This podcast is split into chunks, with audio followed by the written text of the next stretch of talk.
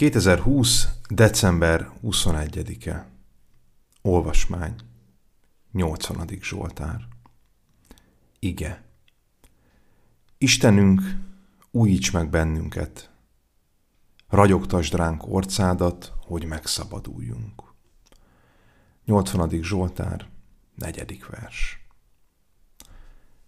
A régi egyházi legenda az, hogy a 80. Zsoltárt énekelték a református honvédek a világosi fegyverletétel alkalmával. Miért pont a 80. Zsoltárt? Ha fellapozzuk a református énekeskönyvünket, és elolvassuk az első verset, akkor hamarosan magunk is rájöhetünk. Az első verszak utolsó sora így szól, jelenjél meg világosan.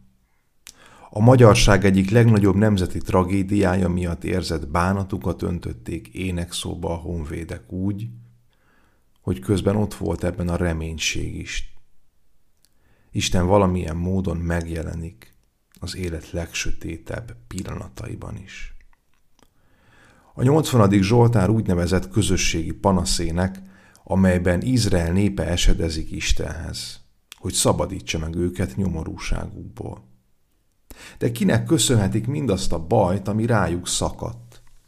Két oka van mindennek. Először is önmaguk. A nép elpátort szabadító Istenétől. Látták csodáit, de mégsem voltak képesek hűségesek maradni hozzá. Ez pedig magával hozza a büntetést, a második okot, hiszen Isten az, aki a népre bocsátja a nyomorúságot. Ő az, aki megfenyíti választottjait. Miben látja a Zsoltáros a szabadulást? Abban, hogy az Isten rájuk ragyogtatja orcáját. Amikor a 80. Zsoltár megszületik, akkor minden bizonyal Asszíria döngette Izrael kapuit. Olyan reménytelen volt a helyzetük, mint nekünk világosnál. De pontosan ez a reménytelenség kellett ahhoz, hogy meglássák a helyes irányt.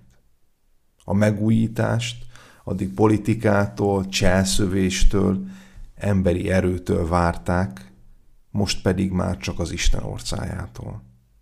Várnak egy fiúra, egy isteni uralkodóra, a messiásra, aki megszabadítja népét teljes reménytelen helyzetéből. Ez a fiú pedig megérkezett. Ő a világ világossága, Isten életet megújító ragyogó orcája. Amen. Kérdés felnőtteknek. Életed melyik reménytelenségére szeretnéd, hogy ráragyogjon Isten? Kérdés gyerekeknek, mit jelent a reménytelenség szó?